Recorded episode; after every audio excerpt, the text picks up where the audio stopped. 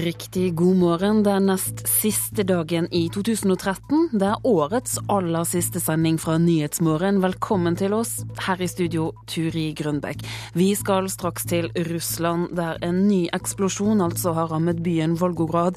I går mistet 16 personer livet i et bombeangrep. Dessuten, pasienter som ikke møter opp fører til at helsekøene her hjemme blir lengre. Vi skal høre hvordan helseministeren tenker å få bukt med problemet. Til Russland nå først, for terrorister har altså slått til igjen i Volgograd. Det skjedde i dag tidlig, der minst ti personer er drept etter en eksplosjon på en buss.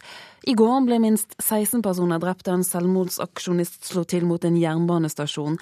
Hans-Wilhelm Steinfeld, vår Russland-korrespondent, hva er siste nytt fra Volgograd nå? Ifølge nyhetsbyrået Interfax, som baserer seg på politikilder i Volgograd, ble en bombe sprengt på en trolleybuss i morges. Det er sterk trafikk i Volgograd nå. Det er lille nyttårsaften, veldig mange er ute. Og eh, ti mennesker skal være drept. Dette er helt samme metoden som byen opplevde da en dieselbuss ble sprengt i luften med rundt 40 drepte i oktober. Den gang var det en såkalt sort enke, gift med en russer som hadde gått over til islam, som sprengte seg til døde. Det var ektemannen som hadde laget bomben. Han ble senere drept av russiske myndigheter eh, i Nord-Kaukasus. Og eh, det er så langt vi vet. Ti mennesker altså drept dagen etter at minst 15 ble drept på jernbanestasjonen i Volgograd. Hvem tror myndighetene står bak terroren? Eh, I går sa påtalemakten at de tror i hvert fall la de seg lede av en teori om at det kan være samme gruppe som står bak terroren i går og i dag i Volgograd, um, og som detonerte en 50 kilos dynamittbombe i byen Pjatigorsk på fredag. Da ble tre mennesker drept, og den bomben gikk av like ved byens politistasjon. Men sporene når det gjelder hvor terroristene kommer fra, mener myndighetene går mot Dagestan, der påtalemakten i denne sørøst østligste russiske republikken i, i, i Nord-Kaukasus, sier de er intenst opptatt av etterforskning når det gjelder bevegelsene de siste døgnene til mistenkte eh, for å være med i det såkalte skogsbrorskapet, som er fellesbetegnelsen for de islamske fundamentalistene som tyr til terror i Dagestan. Men, men terroristene, hva er det som gjør at de slår til mot Volgograd akkurat nå? Det er helt åpenbart at de har et nettverk der som gjør at de kan tilføre tilføre sprengstoff og operere i denne millionbyen, som er en av de viktigste trafikknutepunktene i Sør-Russland sammen med Rastov ved Don. Eh, så her er det nok mulighetene som gir seg, og det er derfor byen nå hjemsøkes først i oktober, så i går og så i dag. Eh, så det er nok muligheten til å slå til i Volgograd eh, etterforskerne nå spaner voldsomt på. Myndighetene, hva gjør de? Hvordan skjerper de kampen mot eh, terror? 7.1 trer det i kraft en spesiell sikkerhetslov i samband med Sotsji-OL, som åpner 7.2. Denne sikkerhetsloven setter veldig strenge eh, krav til kontroll av mennesker i hele Nord-Kaukasus men naturligvis i Sotsji-regionen. Man kan f.eks. ikke kjøre inn i byen uten at bilen er registrert der. Og det kommer til å bli trappet voldsomt opp med personkontroll over hele Nord-Kaukasus, men spesielt rundt OL-anleggene. Og jeg nevnte at eh, på fredag gikk det en bombe i Pjatigorsk. Volgagrad ligger 700 km fra Sotsji. Pjatigorsk Gorsk ligger betydelig nærmere. Så man eh, forventer jo at sikkerhetsmyndighetene, som har store styrker samlet i Nord-Kaukasus nå, eh, kommer til å gå mye grundigere til verks på alle trafikknutepunkter. Men problemet som eh, særlig retter seg mot russere som har konvertert til islam, er jo da at de er vanskeligere å identifisere. Det er ikke bare å stoppe folk som ser ut som om de kommer fra Kaukasus. Og eh, en av de mistenkte for gårsdagens terror, eh, som politiet mener sto bak, er en etnisk russer, antagelig konvertert til islam. Og slike mennesker er vanskeligere visuelt å spotte, og gjør det veldig, veldig mye tyngre for sikkerhetsmyndighetene å kontrollere mennesker tilfeldig ved trafikknutepunktene. Hans-Wilhelm Steinfeld, takk skal du ha. Vi skal hjem igjen, for hver dag er det hundrevis av pasienter som ikke møter opp til timen de har fått på sykehus rundt omkring i landet. Og dette fører til at pasienter som står i kø, får lengre ventetid. Bare ved Oslo universitetssykehus har over 30 000 pasienter uteblitt i år uten å gi beskjed. Vi har eh, lange ventelister på veldig mange av våre poliklinikker. Sier assisterende direktør ved sykehuset, Katrine Lofthus. Når det da er et stort antall pasienter som ikke møter, så betyr det at vi eh, ikke får brukt ressursene optimalt. For da er det andre pasienter som står i kø, som kunne vært inne og fått disse timene, og vi kunne utnyttet våre ressurser bedre. Vanligvis hører vi om pasienter i helsekø. Men det skjer altså også at pasienter får time på poliklinikk og ikke møter opp. Og det skjer over hele landet. Ved sykehusene i Helse Vest er det til sammen over 7000 pasienter per måned som ikke kommer. Helse Vest har satt i gang et omfattende prosjekt, hvor de også inkluderer de som vil endre timen de har fått, sier personaldirektør Hilde Kristiansen. Til sammen utgjør de 25% av timene. Det er klart at Når en må replanlegge for nesten 25% av aktivitetene på poliklinikkene, så har det altså stor betydning for om vi faktisk klarer å redusere ventetidene. På venterommet på hudpoliklinikken på Rikshospitalet er det liv og røre. Flere av pasientene er barn. Christian Fiel har med datteren sin til en undersøkelse, og har lite til overs for at pasienter ikke dukker opp. Det er jo håper å si, lite respektfullt overfor legen de skal til, og de som må sitte og vente. Så det handler jo om å tenke på de andre medmenneskene også, ikke bare på seg sjøl. For også på denne klinikken er det et problem. Ja, dessverre. Vi syns jo det skjer altfor ofte. Sier seksjonsleder Joar Austad. På en vanlig dag hos oss så har vi 80-100 avtaler om dagen. Og av disse er det fem til seks som ikke møter. Han er ikke i tvil om at pasienter som uteblir, bidrar til lengre ventetider. Ja, altså logisk nok med våre lange ventetider og mange som er veldig fortvilet og stadig purrer, så får det den konsekvens at ventetiden blir rett og slett eh, lengre. Samtidig innrømmer han at det kan være vanskelig å få gitt klinikken beskjed per telefon. Nå kan pasientene varsle via en egen nettside, og de får en påminnelse via SMS tre dager før timen. Ved Oslo universitetssykehus var det altså 30 000 pasienter som ikke møtte opp. Det er drøyt 4% av dem som fikk time ved poliklinikk. Nå håper Katrine Lofthus at SMS-varsling og andre tiltak vil hjelpe. Fordi når vi da ikke får utnyttet eh, ledige timer, så er det noen som må vente lenger. Og helseminister Bent Høie oppfordrer nå både pasienter og sykehus til å ta ansvar. Han er enig i at pasienter som ikke møter opp, er et stort problem. Det kan være veldig mange årsaker til at en skulker. Eh, det er klart at helsevesenet har pasienter som har eh, rusavhengighet, har psykiske helseutfordringer. Så det kan være noen av forklaringene for noen. Og så er det andre som gjerne har prøvd tre-fire ganger å ringe og gi beskjed, og så har de ikke kommet gjennom, eller de har ikke kommet gjennom til rett sted. Eller de har fått beskjed om at ja, du, du får ikke en ny time før om tre-fire måneder. Da forstår jeg òg at en kan bli ganske frustrert. Men så er det andre igjen som sannsynligvis da bare ikke møter.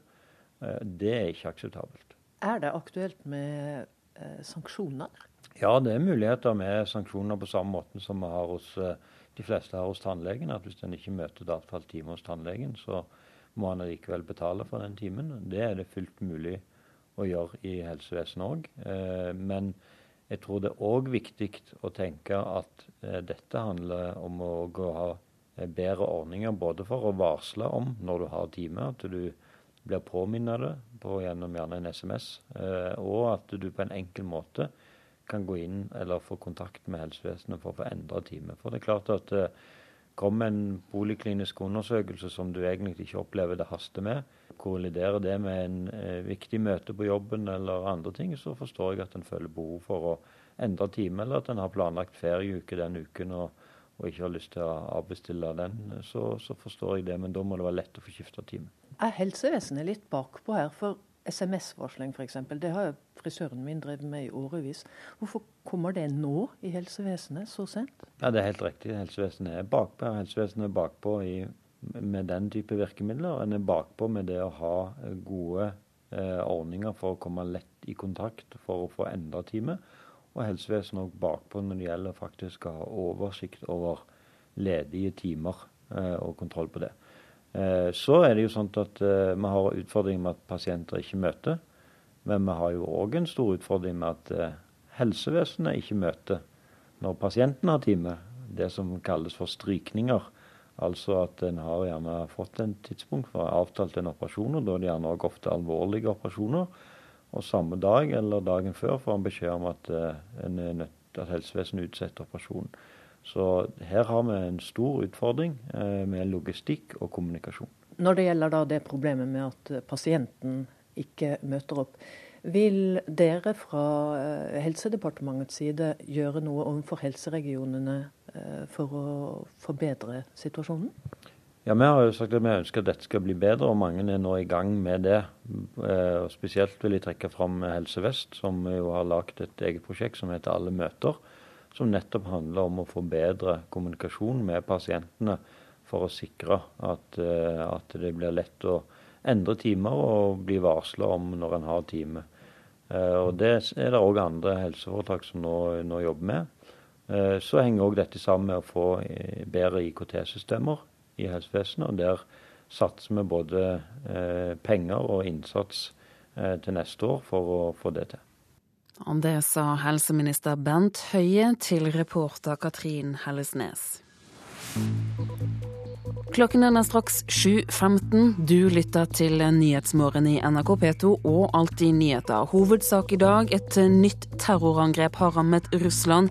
Minst ti personer er drept i et nytt bombeangrep. Som vi hører, pasienter som ikke møter opp, til, møter opp, fører til at helsekøene blir lengre, og helseministeren vil ha bedre varsling for pasientene. Bli med oss videre i sendingen, for 2014 ser ut til å bli et godt år for norsk filmbransje. Det er flere nordmenn som jobber i Hollywood nå enn før, sier regissør Tommy Wirkola. Vi skal høre fra ham litt senere. Men eh, nå først. Flere europeiske land har bestemt seg for å kvotere kvinner inn i styrerommene i store selskaper. Et av landene som har vedtatt dette, er Tyskland. Også EU-parlamentet har med overveldende flertall bestemt seg for å følge den norske modellen. Men så er det også flere som er skeptiske, og som ikke tror at det kommer til å bli slik. Jeg tycker det her er europeisk lagstiftning som aller sämst. Det har blivit en plakatpolitisk fråga. Alltså, man behöver en symbol. Jeg gillar ikke det. Jeg tycker at politikk skal være verklighetsförankrad og gjøre skillnad i verkligheten for medborgarna og det, kommer det her ikke å gjøre. Det sier Cecilia Wikström, som sitter i EU-parlamentet for det svenske Folkepartiet. Hun mener det er en dårlig idé å innføre kvotesystem der kvinner har 40% av setene i styrerommene og hun mener at Norge heller ikke er et eksempel til etterfølgelse. Jeg har også hørt at det er en veldig sirkulering av et litet, litet antall kvinner. Det er ingen nye som kommer til. Det syns ikke jeg heller er jevnstillhet. At det bare er noen få kvinner som skal ha oppdragen, og de fleste skal ikke ens komme i fråga. Men i parlamentet ble lovendringen applaudert inn i forrige måned. Et overveldende flertall mente det var tid for handling når 85% av styrevervene i store selskaper i dag går til menn. EU-kommissær Vivian Redding har vært en av pådriverne for lovendringen. To all those who still say that there are not enough qualified women out there, I say the qualified women are there. Til de som tror det ikke er nok kvalifiserte kvinner der ute, det er det. Today we are shattering myth as well as glass ceilings. I dag knuser vi myter samt glasstak. Men Vikstrøm mener loven ikke vil endre på noe der skoen virkelig trykker, i små mannsdominerte selskaper. Simhaller, sporthaller, veier, infrastruktur, bostadsbolag Og bare i Sverige mener hun eksemplene er mange. Sement, fotball De kan fortsette som før. Derimot så syns jeg at det Sverige har gjort når det gjelder de statlige bolagene, har jo vist seg fantastisk effektfullt. At man måtte nominere en mann og en kvinne, og så har man sett i bolagene hvordan de ser ut, og har det vært underrepresentasjon av kvinner kvinnor så har man tagit kvinnan som har vært foreslagen. Vi har ökat jämställdheten i de statlige bolagen enormt. Siste ord er heller ikke sagt. Loven skal nå gjennom kverna i EU-byråkratiet før den blir endelig. Nå skal jo medlemslandene si sitt, og de kommer nok til å modifisere dette besluttet ganske mye, om jeg kjenner dem rett. Det sa EU-parlamentariker Cecilie Wikstrøm til vår europakorrespondent Åse-Marit Befring. Berlin forsøker å bli en europeisk konkurrent til Silicon Valley. Gründerscenen lokker med et lavt kostnadsnivå og ambisiøse talenter fra hele verden. Svenske gründere gjør det stort i den tyske hovedstaden, men nordmenn har til nå vært nesten helt fraværende. En av svært få nordmenn i Berlin er gründerrådgiver Eiril Eckbo. Altså, Nordmennene er ennå ikke så veldig synlige i Berlinscenen. Det har vært um, Altså Fra start av så har svenskene vært til stede. Ekbo var advokat i Norge. Så ble hun rammet av kjærligheten. Det førte henne til den tyske hovedstadens gründerscene, der hun nå hjelper gründere med å realisere drømmene sine. Her i samtale med en kollega i kontorfellesskapet hun jobber fra, midt i Berlin, en by som lå økonomisk brakk etter krig, kald krig, deling og gjenforening. Og etter at uh, boligpriser og kostnadsnivå uh, er brakt på et veldig lavt nivå, så blir det et veldig attraktivt sted for mange som ønsker å etablere uh, nye bedrifter og prøve å få pengene til å vare lenge. Samtidig så har Berlin en lang tradisjon for å være et sted for fritenkere og kreative. Eiri Lekbo frykter at norske gründere sover i timen. Det er Niklas Østeberg enig i. Jeg tror at det finnes en risk at uh, mange nordmenn har en veldig høy velferd og en veldig uh, stor mulighet til å få et bra jobb i Norge. Uh, og Derfor finnes det ikke samme ambisjon og drivkraft at behøve starte et bolag, at behøve gå internasjonalt. Han er 33 år gammel og en av oppstarterne av selskapet Delivery Hero. På to og et halvt år har de fått 50 000 restauranter i et tosifret antall land til å være med på konseptet sitt. Bestilling og hjemkjøring av mat på nett. Berlin er i ferd med å bli et europeisk Silicon Valley. En av grunnene til at Østerberg valgte å etablere seg her. Så Vil du bygge en internasjonal virksomhet, så er det en, en, et ypperlig sted å bygge det fra. Så at, uh, vi så Berlin som det beste markedet å starte et, bolag, et globalt bolag fra. På Delivery Hero så har vi rundt 48 nasjonaliteter, uh, så vi finner veldig mye talent, veldig mye uh, kunnskap og veldig mange som vil forandre verden. Så det, det begynner bli litt av et Silicon Valley av Europa. Selv om nordmenn til nå ikke har vært spesielt synlige på denne scenen, ser gründerhjelper Eiril Ekbo tegn til at det endrer seg. Det siste året så plutselig i hvert fall innovasjonsbiten i Norge, eller bransjen i Norge, de har oppdaget eh, scenen. Og de er kanskje litt overrasket når de kommer dit første gangen, for de har ikke forventet at det skal være det det er. Og eh, vi ser at de kommer veldig raskt tilbake, og flere har eh, også da valgt å etablere seg her. Reportere her var Linda Reinholdsen og David Voislav Krekling. 2014 kan bli et av de største årene for Norge på det internasjonale filmmarkedet. For flere og flere internasjonale filmer har norske navn på rulleteksten neste år. At det er flere nordmenn i Hollywood enn noensinne, da. det er det. Og forhåpentligvis blir det enda flere. Og dermed har regissør Tommy Wirkola fått selskap etter at han i år fikk sitt Hollywood-gjennombrudd med filmen 'Hans og Grete'.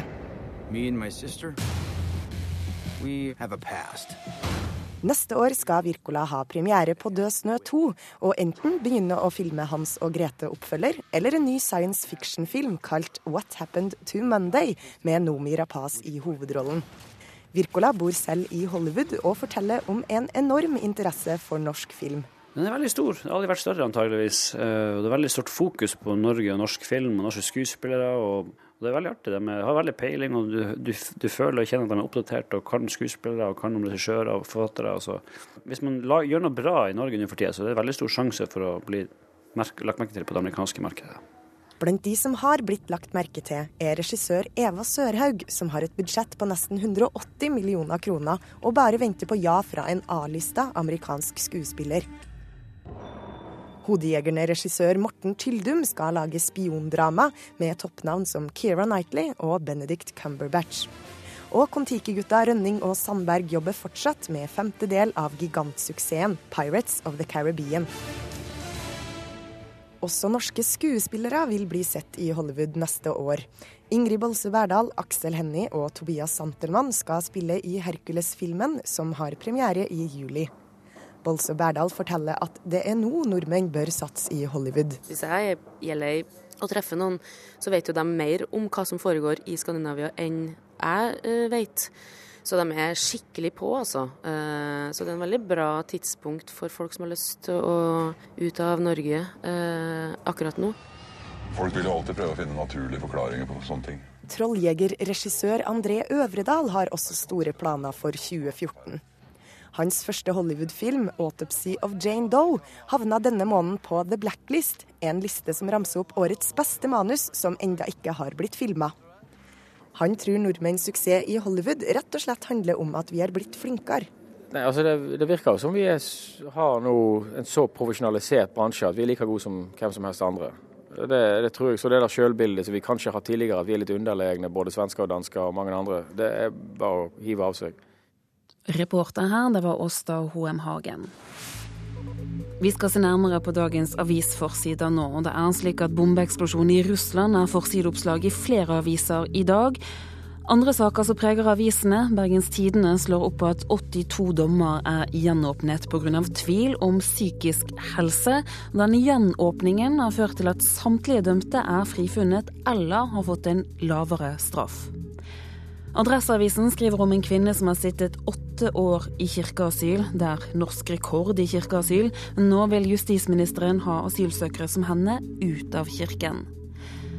På norske veier kjører en rekke bilførere som har jukset seg til førerkortet ved å bruke et spionkamera for å klare teoriprøven. Det skriver Dagsavisen. På forsiden av Dagens Næringsliv er det et stort bilde av Siv Jensen. 'Nå skal skatten kuttes', lyder overskriften. Det er selskapsskatten det er snakk om, og nå skal eksperter finne ut hvordan det skal gjøres. Senterpartiets posisjon som et landsdekkende parti står på spill. Det er forsideoppslaget i Nasjonen, og det er evalueringsutvalget i partiet som frykter for partiets fremtid. Ekspertene spår at forbruket kommer til å gå ned neste år. Nordmenn sparer penger til dårligere tider, det skriver Vårt Land. Skolepolitikk er på forsiden av Klassekampen i dag. Regjeringen går inn for å endre loven som regulerer privatskoler. Men en spørreundersøkelse viser at flertallet av befolkningen er imot å tillate flere private skoler så kommer det en rekke nye regler til neste år. og Dessuten trer en rekke nye rettigheter i kraft. Dette er oppslaget i Dagbladet. Du finner altså mer ut av det i eh, den avisen.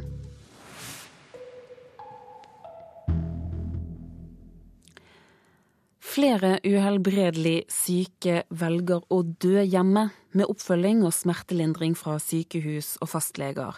Nedre Eiker er en av kommunene i Buskerud som har god erfaring med å tilrettelegge for pasienter som ønsker å dø hjemme. Frank Erik Hansens kreftsyke kone fikk bo hjemme til siste slutt etter eget ønske.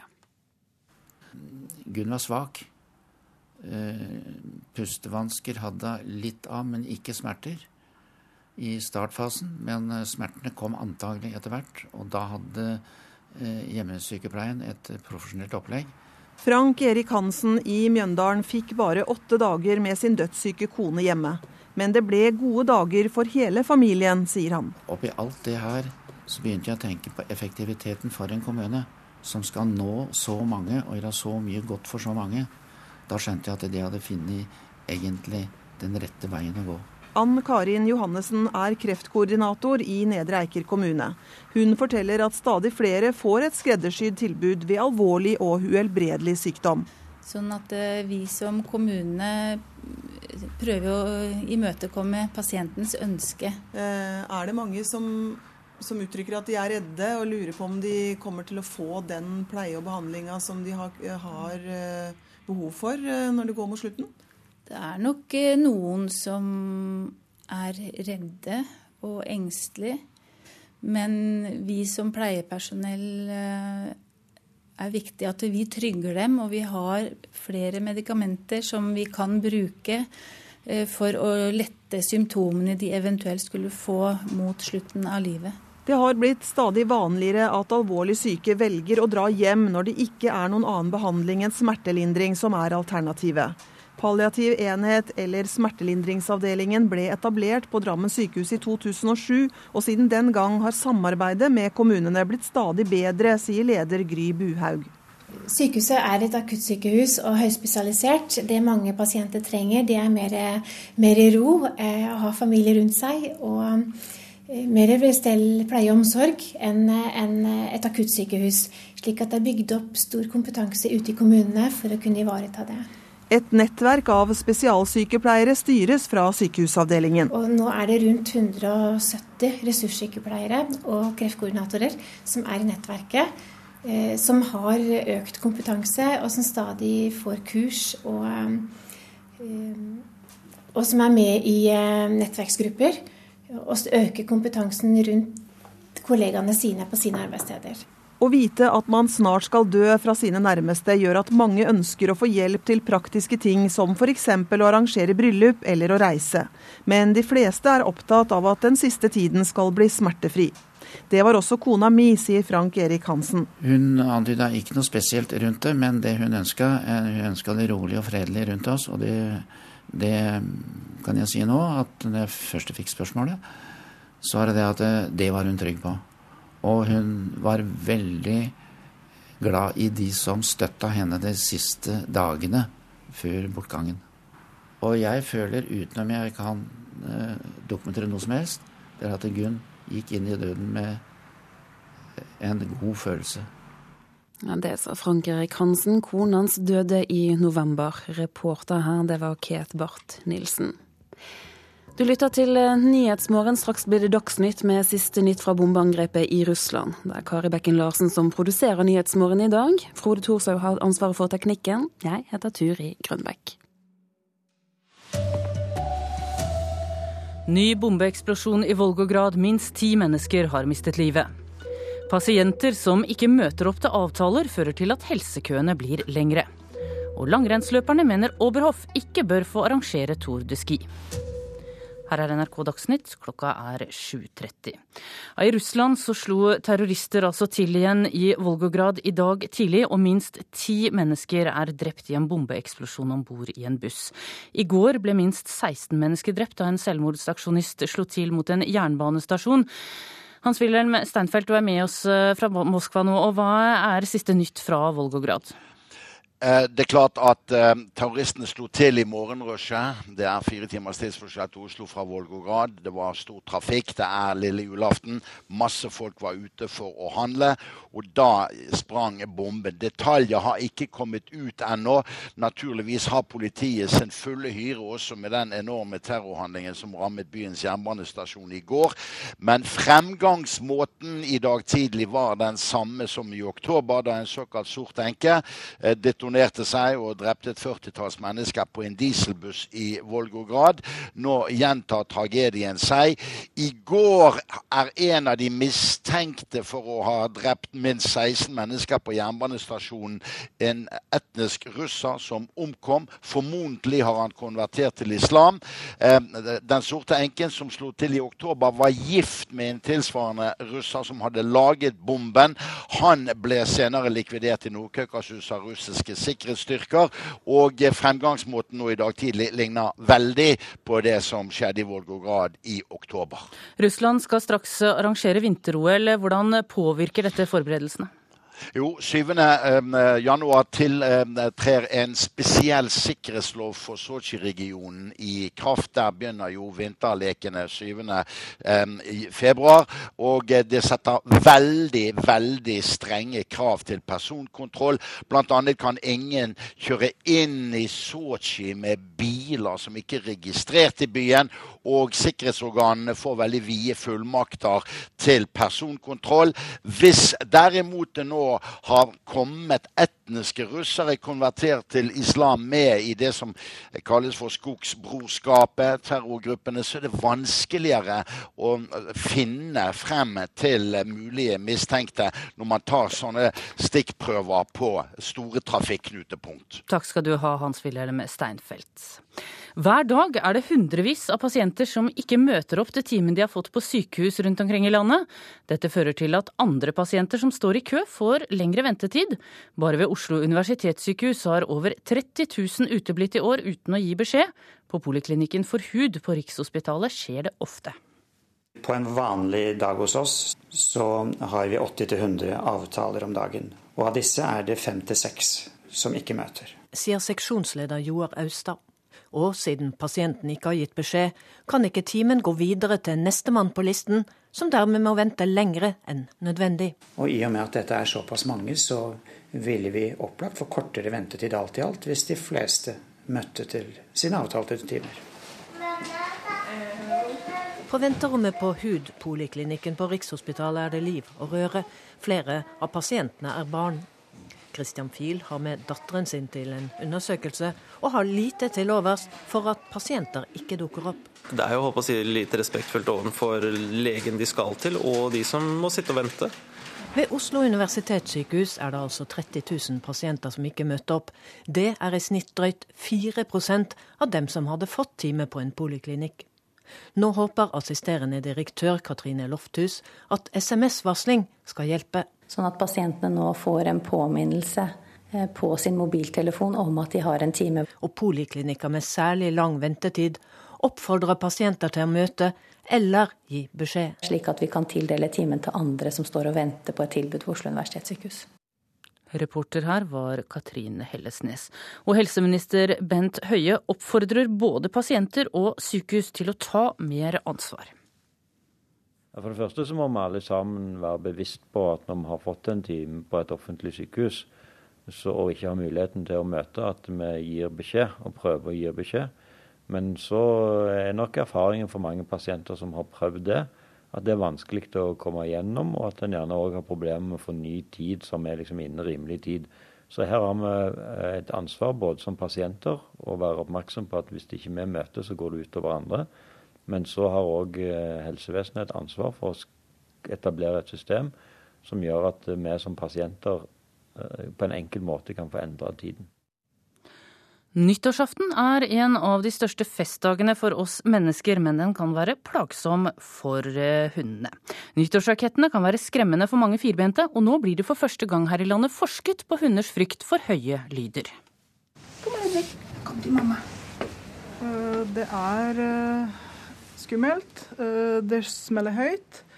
Og han forstår selvfølgelig ikke hva som skjer. Så for han så er det verdens ende. sånn. Hundeeier Stepanka Horakova forteller hvordan fem år gamle Ludvig har det når det bokstavelig talt braker løs. Jeg håper at vi finner genetiske årsaker til at eh, noen hunder blir veldig veldig engstelige. Det sier doktorgradsstipendiat og veterinær Linn Marie Storengen ved Norges veterinærhøgskole. Hun vil finne ut hvorfor mange av de rundt 400 000 hundene her i landet blir rammet av angst når de hører nyttårsraketter. Men mange andre lyder kan også skremme. Biltrafikk, tordenvær. Vi har hørt om faktisk mange hunder som er veldig redd isbilen. Blant annet. Det er ikke vanlig å drive forskning for å kartlegge dyrs psykiske helse. Prosjektet ved Veterinærhøgskolen er derfor enestående. Skal det bli vellykket, trenger Linn Marie og hennes kolleger mange blodprøver fra norske hunder. Målet er å finne gode behandlingsmetoder. I mellomtiden må mange hundeeiere finne så trygge steder som mulig for sine firbente venner når de store smellene kommer. Det kan være små skjulesteder med minst mulig støy og lys. Mange gir også hundene sine medikamenter mot angsten, og mange gjør som Stepanka, de rømmer fra byen. Nå drar vi i Vestfold, innerst inne langt bort fra folk, og håper at uh, på landet så er det litt mindre smell enn i byen. Reporter her var Hans Jørgen Solli. Et ekspertutvalg skal utrede hvordan skattenivået kan reduseres for norske bedrifter. Finansminister Siv Jensen mener norske bedrifter har for høyt skattenivå sammenlignet med næringslivet i nabolandene våre. Hun sier til Dagens Næringsliv at høy norsk selskapsskatt virker konkurransevridende, til ulempe for norske selskaper. Til høsten skal alle spedbarn her i landet få tilbud om vaksine mot omgangssyke. Rotavirusvaksinen, som beskytter mot alvorlig diaré hos småbarn, blir en del av barnevaksinasjonsprogrammet. Det bekrefter Folkehelseinstituttet overfor Aftenposten. Årlig havner rundt 900 barn på sykehus her i landet pga. kraftig oppkast og diaré. Så sport. Fjern Oberhof fra Tour de Ski. Det er utøvernes beskjed til Det internasjonale skiforbundet etter helgens åpning av touren, som ble preget av snømangel, elendige løyper og et kritikkverdig arrangement. Nå har vi vært åpninga her i sju år, så det har kanskje ikke vært dumt å få en ny plass. Jeg syns eh, Oberhof har fått litt mange sjanser, og det har vært eh, litt for dårlig eh, de siste åra. Marit Bjørgen og Therese Johaug er lei av å gå på ski i Oberhof. De får støtte av Martin Jonsrud Sundby, som mener Oberhof bør fjernes. Ja, Etter min mening synes jeg det. Enten så må arrangøren skifte fullstendig politikk, eller så, så syns jeg vi skal finne et sted som har lyst til å arrangere langrenn, og som brenner litt mer for det enn for skiskyting. Stor snømangel, svært varierende vær og arrangører som nok en gang feilet i å tilrettelegge for en god åpning av langrennskonkurransen Tour de Ski. Utøverne har fått nok. Det er det internasjonale skiforbundet FIS som bestemmer hvor etappene skal gå. Neste år har de lagt åpningen til mer snøsikre Oberstdorf. Renndirektør i FIS, Pierre Mingeret, sier at Oberhofs fremtid vil bli diskutert. Dette er noe vi må diskutere i langrennskomiteen. Oberhof har slitt med arrangementene de siste årene, og fremtiden som arrangør i Tour de Ski vil bli tatt opp på FIS-kongressen i juni, sier Mingeret.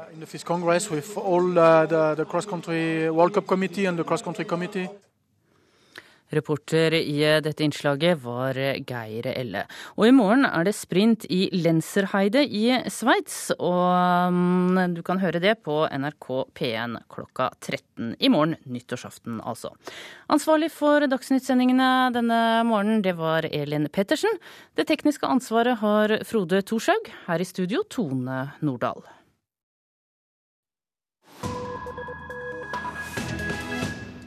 De neste minuttene her i Nyhetsmorgen skal vi til Hellas, der krisen ennå ikke har sluppet taket. Nå er vinteren i ferd med å feste grepet. Temperaturene synker. Hverdagen blir ekstra krevende for mange grekere. For å spare penger fyrer mange i ovnen. Det byr på utfordringer. Vår utenriksmedarbeider Hans Christian Hansson har laget denne reportasjen.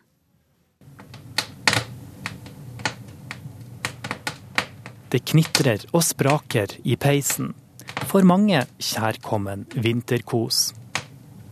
Men i kriserammede Hellas er brenningen av ved og annet materiale i ferd med å bli et alvorlig problem. Sist uke var luftforurensningen i den nordgreske metropolen Tessaloniki den verste noensinne. Dobbelt så høy som verdien som regnes som helseskadelig. Idet temperaturene synker og den kalde årstiden fester grepet, forsøker stadig flere grekere å holde varmen ved å fyre i ovnen. For mange har peisen tidligere bare vært en dekorasjon, nå blir den redningen i kampen mot kulden. Enkelte bygger seg sågar provisoriske ildsteder, hvor de lemper innpå bortimot alt som kan brenne. Trestammer fra parker og hager, malte og impregnerte planker, gamle lakkerte møbler, aviser og pappesker, søppel. Og når mange nok gjør det samme, blir ikke akkurat luftkvaliteten særlig god. I det finansielt skakkjørte landet er velferdsgoder og lønninger kraftig kuttet, mens skatter og avgifter er økt. Siden prisene på både strøm og fyringsolje har steget, er det vedovnen som blir redningen for familier med slunkne lommebøker. Slik legger det seg et lokk av giftig smog over greske byer. Regjeringen i Aten nekter imidlertid å sette ned skatten på fyringsolje igjen. Etter avgiftsøkningen har forbruket sunket med mer enn 50% Og samtidig rapporterer skogeiere om at grekere tar seg til rette og hogger ved ulovlig. Skogvokter Priamos Parisninos fortviler. They came from the national road over there. It's about 30 meters away. De kommer på motorveien der borte, den er bare 30 meter unna. De skjuler seg i støyen fra bilene, de kan komme om ettermiddagen og kvelden, og de tar så mye de vil. Et gjerde ved veien er det klippet hull i. Myndighetene og skogeierne står maktesløse. Samtidig har det oppstått en svartebørs for fyringsved. Det mistenkes sågar at ved smugles inn ulovlig fra nabolandene.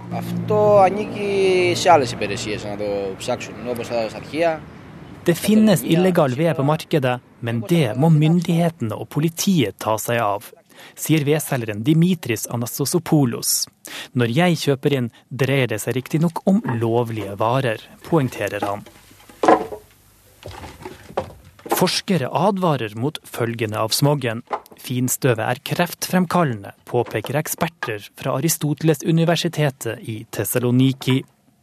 Men grekerne mener at de knapt har noe valg. Jeg kjøper uansett bare små mengder. Det er ikke mye jeg har råd til med den lille lønnen min, sier Panayotis, som er ute og handler seg noen vedkubber. Har jeg ingen penger og ikke får kjøpt meg noe, har jeg ikke noe annet valg enn å fryse.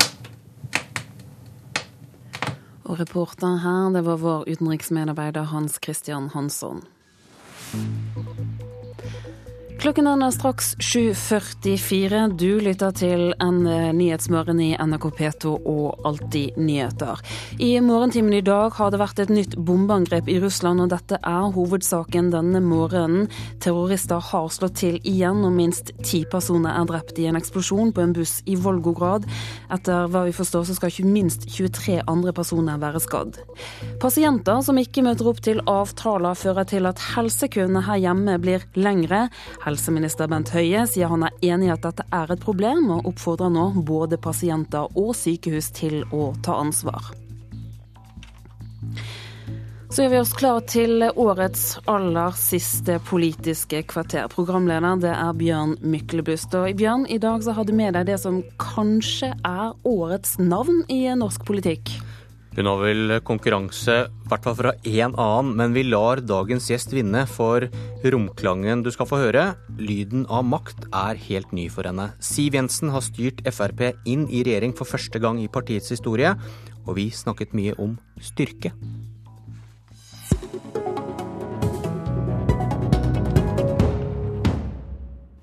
Siv Jensen, er du lei av juleintervjuer? Juleintervjuer er veldig hyggelig, fordi det er en mulighet til både å fortelle om alt det Fremskrittspartiet har fått til etter at vi kom i regjering, og alt det Høyre-Frp-regjeringen har klart å få til på så kort tid. Jeg er ganske stolt av det, og det er viktig at uh, vi får formidlet det. Uh, jo flere ganger, jo bedre. Er det noen spørsmål du er lei av? Nei, ikke enda. vi får se hvordan, om det varer. Hvis vi begynner med, med noe som kanskje var pur glede. Ditt morna, Jens, da du skjønte at det ble borgerlige valgseier, var det lettelse over at Frp ble sterke nok til å gå i regjering? Jeg tror nok det handlet om mange ting. Eh, først og fremst en lettelse over at en lang valgkamp var over. Eh, det å stå helt i front gjennom en lang valgkamp er krevende, eh, og det står mye på spill. Det er viktig at partiet gjør det bra. Og i denne gangen så jobbet vi også intenst for at det skulle bli grunnlag for et regjeringsskifte. Alle faktorene kom på plass. Stor lettelse, stor glede. Målingene sprikte veldig. Vi lurte på hvor stor er oppslutningen til Frp. Ville du kunne gått inn i regjering med 12% Dere fikk 16 Det er et hypotetisk spørsmål. Eh, det som vi vet, er at eh, vi fikk et godt nok resultat og et eh, ikke-sosialistisk flertall som ga grunnlag for et regjeringsskifte. og Det syns jeg er mye viktigere å fokusere på enn hypotetiske spørsmål. Men vi lurer jo på om du hadde gjort deg opp tanker om det. Hva slags styrke Frp var avhengig av? Vi hadde nok eh, reflektert en del rundt det, men så er det jo sånn at den type spørsmål er det ikke bare opp til meg å ta stilling til. Eh, det er det opp til partiets organer å ta stilling til. Og jeg skylder jo minne om òg, da, at både den lange sonderingsfasen som Høyre og Fremskrittspartiet hadde med Kristelig Folkeparti og Venstre, og forhandlingene mellom Høyre og Fremskrittspartiet eh, ble godt forankret i Fremskrittspartiets organer. Det er utrolig viktig at partiet står samlet bak så viktige beslutninger som å gå inn i regjering for første gang.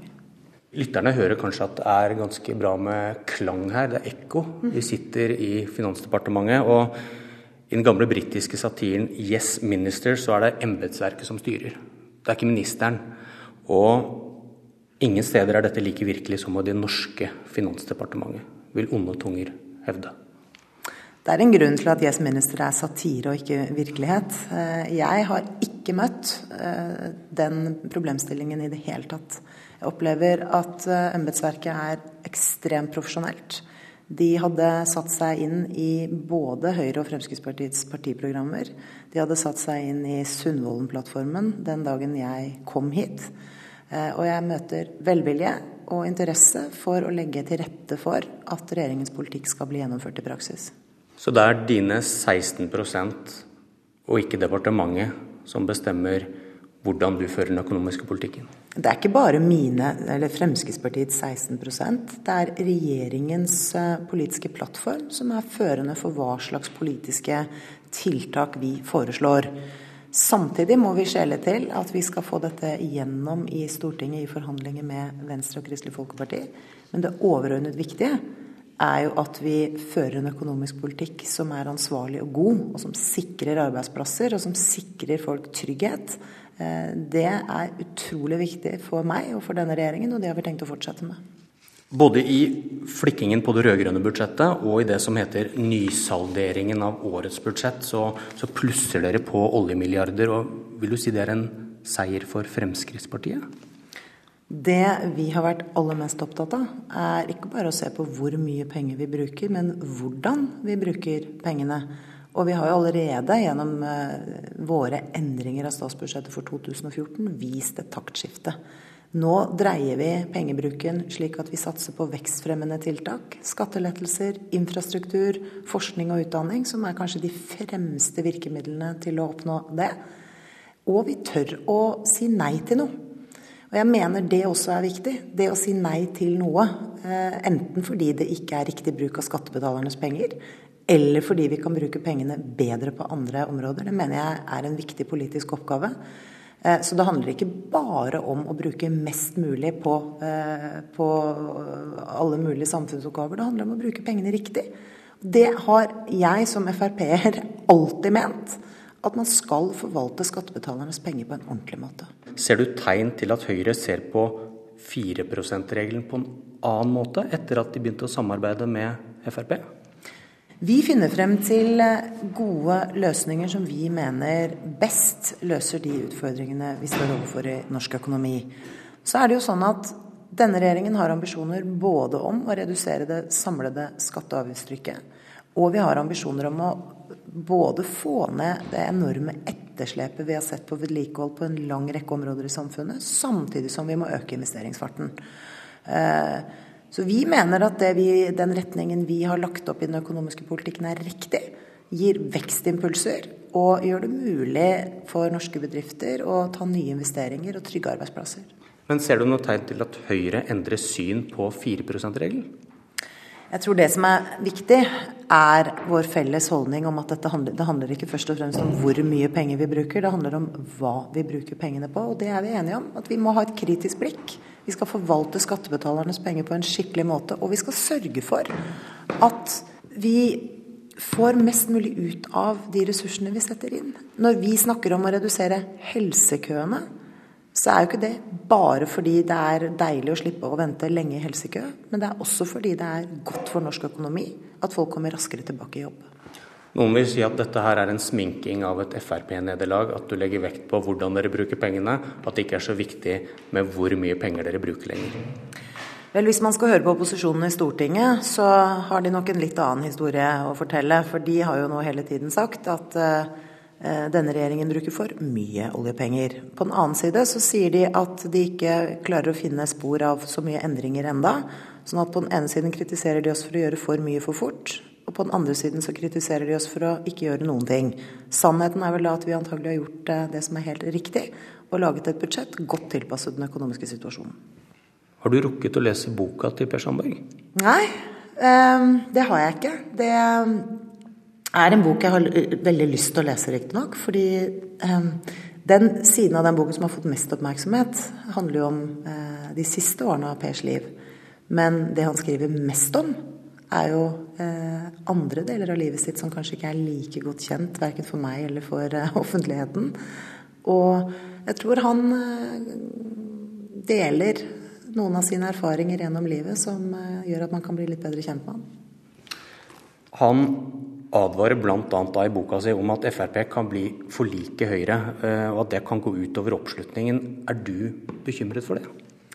Jeg er veldig opptatt av å være tydelig på vegne av Fremskrittspartiet. Vi er i denne regjeringen fordi vi mener vi kan gjøre en forskjell. Vi har gått inn i regjering fordi vi mener at det gjør det mulig for oss å gjennomføre vår politikk, som vi har slåss for i opposisjon i 40 år. Eh, det at vi nå fra 1.1 fjerner arveavgiften, er ett sånt resultat. Det har altså ingen tidligere regjeringer gjort. Det var når vi kom inn at den ble borte. Og jeg ser det som en eh, viktig seier som Fremskrittspartiet har slåss for i 40 år. Men kan dere argumentere både for at disse 16% deres gir dere stort gjennomslag, som jeg hører deg sier nå, samtidig når det gjelder bompengesaken, så peker man på at 16% viser at vi får ikke til alt? Som jeg har sagt eh, hele veien gjennom høsten, så vil en eh, koalisjonsregjering bety at vi må samarbeide. Vi må inngå kompromisser. Vi må gi for å få. Det viser også Sundvolden-plattformen. Den viser at vi har fått gjennomslag fra Fremskrittspartiets side på mange viktige områder. Samme har Høyre fått. Og på en del områder så har vi rett og slett kommet fram til løsninger hvor vi har spilt hverandre enda bedre. Jeg har også sagt at det er viktig å være tydelig på hva man får til, og være like ærlig på hva man ikke får til. Eh, et parti som har 50% oppslutning, kan ikke dekke seg bak en eneste unnskyldning, annet enn at man i så fall ikke har levert. Når man har inngått kompromisser, så må man også være like ærlig på at dette klarte vi ikke, men vi fikk i stedet til sånn og sånn. Men i, i bomsaken så hørte vi ikke de forbeholdene i valgkampen, i hvert fall fra en del sentrale Frp-representanter. Det ble ikke sagt at hvis vi får lavere oppslutning, så gjelder ikke det jeg nettopp sa. Burde de angre på det? Jeg tror vi har vært like tydelige som alle andre på at vi markerer våre kjernesaker, hva vi ønsker å oppnå. Og så er jo ikke velgerne dummere enn at de skjønner at dette handler om oppslutning, da. Jo større oppslutning et parti har, jo større gjennomslag får de. Det skjønner alle. Men jeg mener vi har fått mye til, også på samferdselsområdet. Nå har vi altså etablert et eh, infrastrukturfond. Aldri tidligere skjedd. Nå er det, eh, eh, nå er det etablert. Vi skal utvikle et nytt veiselskap som skal ha som hovedformål å bygge veier rimeligere, raskere og bedre enn i dag. Det betyr at vi får forsert veibyggingen til en helt annen pris enn det vi har sett tidligere, og det er bra. I tillegg har vi også fått gjennomslag for å gjøre endringer i bompengefinansieringen. Og den ville altså vært høyere og mer omfattende hvis Fremskrittspartiet ikke satt i regjering. Jeg er stolt av det vi har fått til. Og jeg tror velgerne ser helt utmerket godt eh, at oppslutning betyr noe. Finnes det en folkelig fløy av Frp, og en del som er noe annet? Det finnes bare ett Fremskrittsparti. Og det er sammen vi finner frem til eh, vår politiske plattform, som vi har gått til valg på, og som har vært grunnlaget for de forhandlingene vi har hatt med de andre partiene. Våre velgere vil kjenne igjen mye god Frp-politikk i eh, regjeringens eh, plattform. Og de vil jo se nesten daglig at vi gjennomfører ting som de har stemt på oss for å få endringer på. Men er du enig i at beskrivelsen at det finnes en folkelig fløy i Frp, som Per Sandberg da har vært representant for, og en del som er mer strigla og ikke så folkelig? Nå håper jo jeg at eh, folk oppfatter meg som sånn høvelig folkelig også, da. Men jeg tror at vi vi Fremskrittspartipolitikere som politikere i andre partier har eh, litt ulike hjertesaker som de slåss for internt i sine partier. Det er jo veldig bra, fordi det er på den måten man videreutvikler partienes politikk hele tiden. At vi sørger for at våre ansvarlige politikere står på tærne og har gjennomføringsevne. Det er utrolig viktig. Jeg sier hele tiden at det er viktig at Fremskrittspartiet sparker meg og resten av Frp-statsrådene i leggen hver eneste dag, sånn at vi husker hvorfor vi er i regjering, og det er for å gjennomføre Frp-politikk på vegne av våre velgere.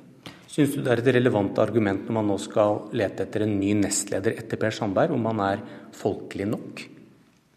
Jeg er helt sikker på at eh, Fremskrittspartiet finner frem til en god nestleder som skal overta etter Per på vårt landsmøte til våren. Det pågår nå en god prosess på det. Valgkomiteen skal i gang og gjøre sin jobb. Eh, og jeg er helt sikker på at partiets organer finner frem til den beste kandidaten. Et diplomatisk svar. Eh, men du blir ikke provosert av at noen stemples som ikke så folkelige? Jeg syns at vi har utrolig mange godt kvalifiserte kandidater til å være nestleder i Fremskrittspartiet. Og det som er aller, aller viktigst, er at alle Fremskrittspartiets tillits- og folkevalgte hele tiden husker på hva som er deres viktigste jobb, nemlig å ivareta velgernes eh, interesse på en best mulig måte. 16% Må du ha økt oppslutning hos velgerne for å kunne si at du har lykkes? Jeg mener Fremskrittspartiet allerede har lykkes, fordi vi har begynt å levere Fremskrittspartiets eh, politiske løsninger i samarbeid med Høyre fra regjering. Det er eh, for meg utrolig viktig, fordi politikk handler jo ikke bare om å si hva man mener. Det handler også om å få gjennomført det man mener. Nå har vi i 40 år sagt hva vi mener, og nå er vi kommet til den fasen hvor vi gjennomfører det vi har ment i 40 år. Det er en eh, fantastisk reise. Det er en krevende oppgave. Det følger mye ansvar med den oppgaven. Men jeg tror velgerne ser at vi sakte, men sikkert gjennomfører det vi har sagt, på område etter område etter område. Og det er det vi skal måle oss på. Men om velgerne stiller seg bak det, det betyr ikke noe om det er 14 eller 18% som sier Frp i 2017? Nå er det en god stund til vi skal ha neste stortingsvalg, og vi kommer til å se mange og vekslende meningsmålinger frem til da, på samme måte som vi har gjort i eh, andre stortingsperioder. Det jeg tror er helt avgjørende, er at vi er ærlige hele veien. At vi kommuniserer med velgerne våre. At vi ikke gjemmer oss bort. At vi står for det vi står for, og svarer godt for oss i forhold til det vi gjør. Er du lei av juleintervjuer nå? Dette var et veldig hyggelig intervju.